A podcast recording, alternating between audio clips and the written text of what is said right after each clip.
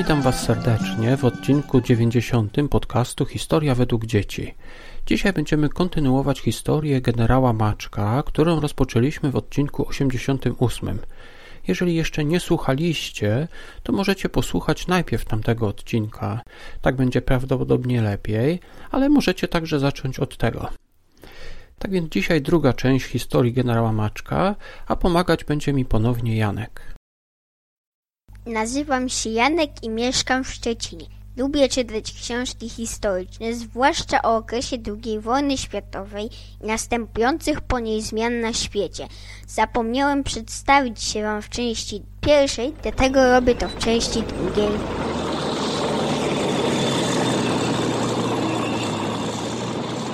W odcinku 88 zakończyliśmy na działaniach 10 Brygady Kawalerii we wrześniu 1939 roku. Maczek i jego żołnierze walczyli dzielnie, aż do otrzymania rozkazu wycofania się na Węgry. Podczas tego wycofywania się 10 Brygady Maczek odnalazł swoją żonę z dwójką małych dzieci. Razem wyjechali na Węgry. Polska miała wtedy taki układ z Francją – tak więc polscy żołnierze, chociaż opuszczali terytorium Polski, to wcale nie zamierzali przestać walczyć. Chcieli się wszyscy dostać do Francji i z drugiej strony uderzyć na Hitlera. Francja i Anglia także wypowiedziały Hitlerowi wojnę. Poza tym w 1939 roku Francja miała największą armię na świecie. Mieli oni też bardzo dobry sprzęt, na przykład świetne czołgi. W czasie walk we Francji w 1940 roku czołgi francuskie Charles B1 bis były lepsze technologicznie od czołgów niemieckich Panzerkampfwagen 1, 2 i 3. Ale czołgi niemieckie były szybsze i zwrotniejsze, dlatego mogły łatwo wymanewrować czołgi francuskie. Po wycofaniu się z Polski do Francji przybyło wielu żołnierzy. We Francji ta brygada, ta dziesiąta brygada zaczęła się zmieniać w dywizję.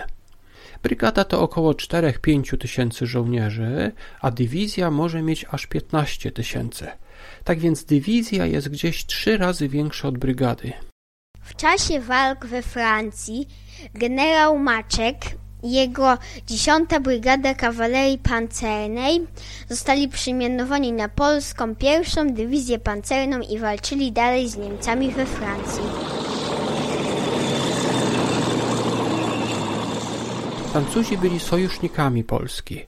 Gdy Hitler zaatakował Polskę w 1939 roku, Francuzi powinni zaatakować Hitlera z drugiej strony – oni wprawdzie wypowiedzieli Hitlerowi wojnę, ale niestety nie zaatakowali go. Niemniej, zgodnie z tą umową, gdy polscy żołnierze przybyli do Francji w 1940 roku, mieli dostać broń i czołgi. Ale Francuzi dawali sprzęt Polakom bardzo wolno. Uważali, że jeżeli Polacy przegrali w 1939 roku, to oznacza, że są słabymi żołnierzami. Żołnierze, którzy walczyli w 10. Brygadzie Kawalerii Zmotoryzowanej, mieli już za sobą walki z Niemcami we wrześniu 1939 roku i byli lepiej przygotowani do walki z Niemcami niż Brytyjczycy i Francuzi, którzy jeszcze z nimi nie walczyli.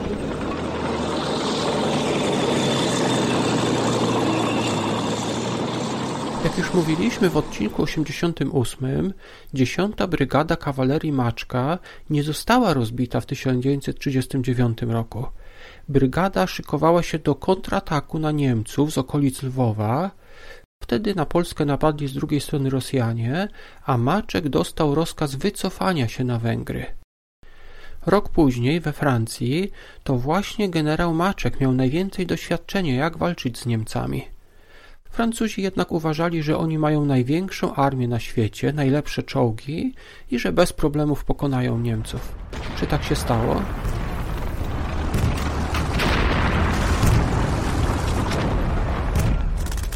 Niemcy zaatakowali Francję 10 maja 1940 roku, czyli 8 miesięcy po ataku na Polskę we wrześniu 1939. Niemcy zaatakowali 10 maja, a już 21 maja przecięli Francję na pół. Tak więc w 11 dni Francja była już prawie pokonana. Na północy w okrążeniu znalazły się wojska angielskie, które też pomagały Francuzom. Anglicy jednak stwierdzili, że Francji nie da się już pomóc i zaczęli uciekać z Dunkierki. Z kolei na południu Francuzi sobie przypomnieli, że mają także polskich żołnierzy, w tym generała Maczka. Gdy Polacy przybyli do Francji w marcu 1940 roku, dostali tylko parę starych czołgów. Teraz, w połowie maja tego samego roku 1940, jechały czołgi, wozy pancerne i inne pojazdy jeden za drugim. Francuzi dawali Polakom wszystkie te pojazdy, mnóstwo czołgów. Chcieli, aby Polacy od razu byli gotowi do walki. Nie można jednak tak od razu wysłać żołnierzy ze sprzętem, którego nie znają. Francuzi chcieli jednak, aby Polacy poszli walczyć albo oddali sprzęt. I w tej sytuacji generał Maczek sam wybrał mały oddział, który pierwszy dostał czołgi i sam dowodził tym oddziałem. Ten oddział nazwano dziesiątą Brygadą Kawalerii Pancernej. Tak więc generał zostawił pierwszą dywizję, zostawił większość swojego wojska i z tym małym oddziałem, tylko z brygadą, wyruszył walczyć z Niemcami. Generał Maczek uderzył na Niemców, którzy nie spodziewali się takiego ataku. Niestety za Polakami nie poszły oddziały francuskie. Wkrótce w czołgach skończyło się paliwo i polscy żołnierze musieli pieszo przebijać się z powrotem na południe w kierunku Marsylii. Wtedy powtórzyła się sytuacja z września 1939 roku. Jak pewnie pamiętacie, polskie oddziały przeszły na Węgry, które były sojusznikiem Polski. Jednak w międzyczasie Węgrzy stali się sojusznikiem Hitlera i aresztowali Polaków, którzy musieli uciekać tam na Węgry. Teraz, w 1940 roku, Polacy byli sojusznikami Francji, nawet pomagali Francji walczyć z Hitlerem. Ale Francuzi się poddali i stali się sojusznikiem Hitlera. Tak więc Polacy musieli uciec teraz także z Francji z fałszywymi dokumentami, tak jak rok wcześniej uciekali z fałszywymi dokumentami z Węgier. Generał Maczek i jego żołnierze dostali się do francuskiego miasta portowego, do Marsylii. Tam Polacy zaczęli załatwiać sobie fałszywe dokumenty i przekradali się do Hiszpanii. Wszystkim żołnierzom udało się załatwić takie fałszywe paszporty, wszystkim poza generałem Maczkiem. Niemcy bardzo chcieli go aresztować i dlatego Francuzi go pilnowali. Tak więc generał, który nie mógł załatwić sobie fałszywego paszportu, przebrał się za Araba i popłynął do Casablanki w Maroku, udając, że jest Arabem. Później z Maroka popłynął do swoich żołnierzy do Hiszpanii, a potem razem z nimi do Wielkiej Brytanii. W Anglii, w Wielkiej Brytanii, generał Maczek został dowódcą 10 Brygady Kawalerii. Gdy przybyło więcej żołnierzy, ta brygada przekształciła się w pierwszą dywizję pancerną. Jak pamiętacie, we Francji polscy pancerniacy musieli włączyć się do walki niemal bez przygotowania. Za to w Anglii mieli bardzo dużo czasu na zapoznanie się ze sprzętem oraz na ćwiczenia. Generał Maczek przybył do Anglii w październiku 1940 roku. Cztery lata później siły alianckie wylądowały we Francji. Ich celem było pokonanie Niemców, którzy siedzieli we Francji od czterech lat. Jakie czołgi mieli Polacy, a jakie czołgi mieli Niemcy? W czasie walk w Normandii w 1944 roku dywizja pancerna generała Maczka miała w swoim parku maszynowym czołgi Cromwell i Sherman. Natomiast Niemcy mieli czołgi Tygrys, Pantera i Panzerkampfwagen 4. Czołgi niemieckie były lepsze od polskich Shermanów i Cromwelli. Czołgi polskie musiały podjechać na pół kilometra, żeby móc zniszczyć Tygrysa albo Panterę, a te natomiast mogły zniszczyć polskie czołgi z aż z dwóch kilometrów.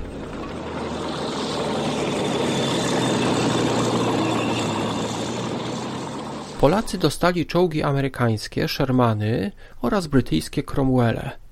Niestety te czołgi okazały się o wiele słabsze od czołgów niemieckich.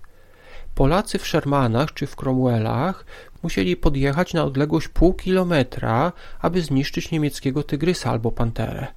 Za to niemieckie czołgi mogły strzelać z odległości dwóch kilometrów, aż dwóch kilometrów. Oznaczało to, że czołgi niemieckie miały zasięg skutecznego ognia cztery razy większy. Mimo tego, gdy Polacy wylądowali w Normandii w pobliżu miasta Caen, od razu zaczęli gonić Niemców. Zaraz po tym wylądowaniu rozegrała się bitwa pod Falaise. Kiedy siły niemieckie w Normandii zostały otoczone przez Amerykanów i Brytyjczyków, Polacy mieli zamknąć ostatnią drogę ucieczki Niemców. I właśnie tam, gdzie Polacy mieli stanąć, Niemcy chcieli jak najmocniej uderzyć, żeby Polacy, żeby polska dywizja została zniszczona, a wtedy Niemcy mogliby uciec i mogliby stawiać dalej opór aliantom w Normandii.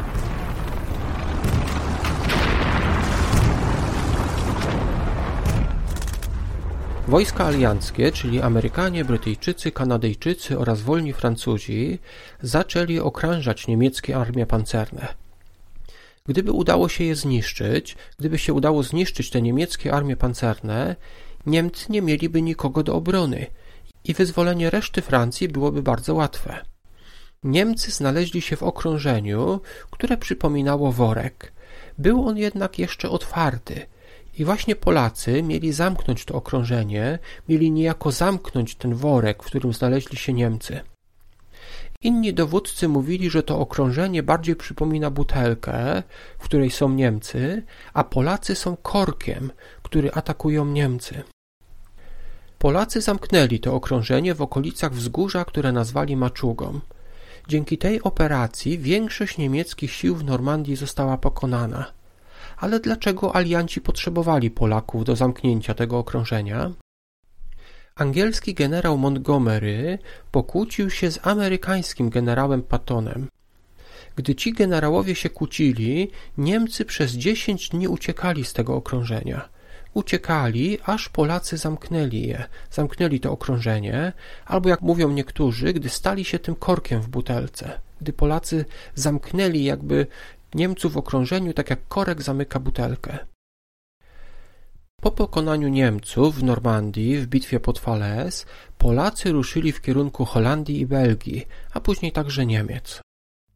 Kiedy polskie i amerykańskie i brytyjskie dywizje zniszczyły Niemców w Normandii, dalej atakowały ich w Holandii i Belgii. Właśnie w Belgii Polska dywizja wyzwoliła bardzo dużo miast i do dzisiaj uważa się ich tam za bohaterów. Na koniec szlaku bojowego pierwsza dywizja pancerna wzięła udział w wyzwalaniu niemieckiej bazy morskiej.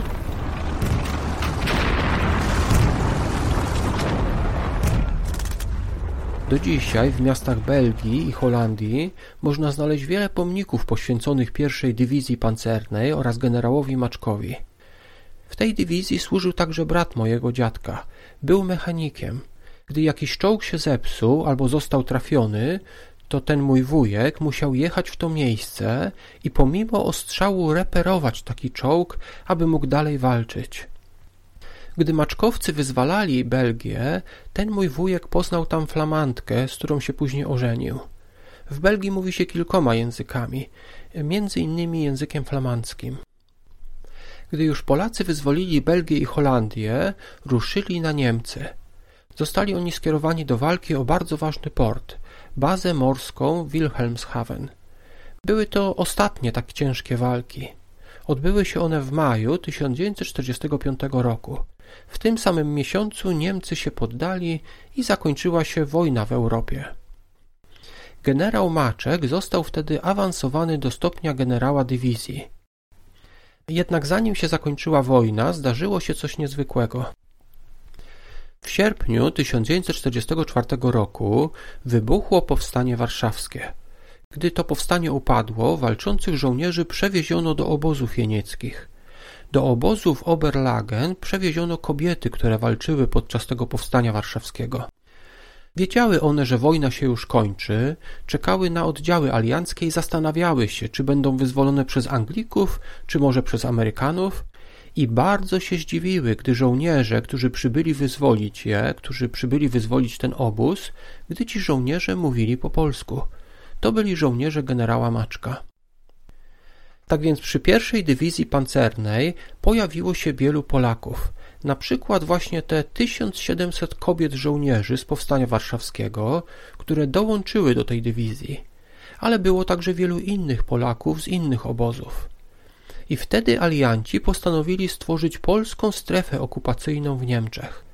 Polacy dostali miasto Haren oraz jego okolice. Mieszkali tam cztery lata, od 1945 aż do 1948 roku. W tamtym okresie zmieniono nazwę tego miasta, najpierw na Lwów, a później na Maczków. W tym mieście były polskie szkoły, wydawano tam polskie gazety. W Maczkowie odbyło się też prawie 300 ślubów oraz urodziło się, urodziło się prawie 500 dzieci. Jak pewnie wiecie, po II wojnie światowej w Polsce zaczęli rządzić komuniści. Zabrali oni generałowi Maczkowi polskie obywatelstwo. To oznacza, że generał Maczek według komunistów nie był już Polakiem. Z kolei w Anglii władzę stracił wtedy Churchill i jego partia, a zaczęła rządzić Partia Pracy, która współpracowała z krajami komunistycznymi takimi jak Rosja czy Polska. Żołnierze alianccy walczący razem z armią brytyjską dostawali pensje. Jednak brytyjski rząd odmówił tego generałowi Maczkowi. Tak więc po wojnie generał Maczek musiał pójść pracować do hotelu jako barman. Nie zapomnieli o nim jednak Belgowie i Holendrzy. Generał Maczek dostał na przykład honorowe obywatelstwo miasta Breda.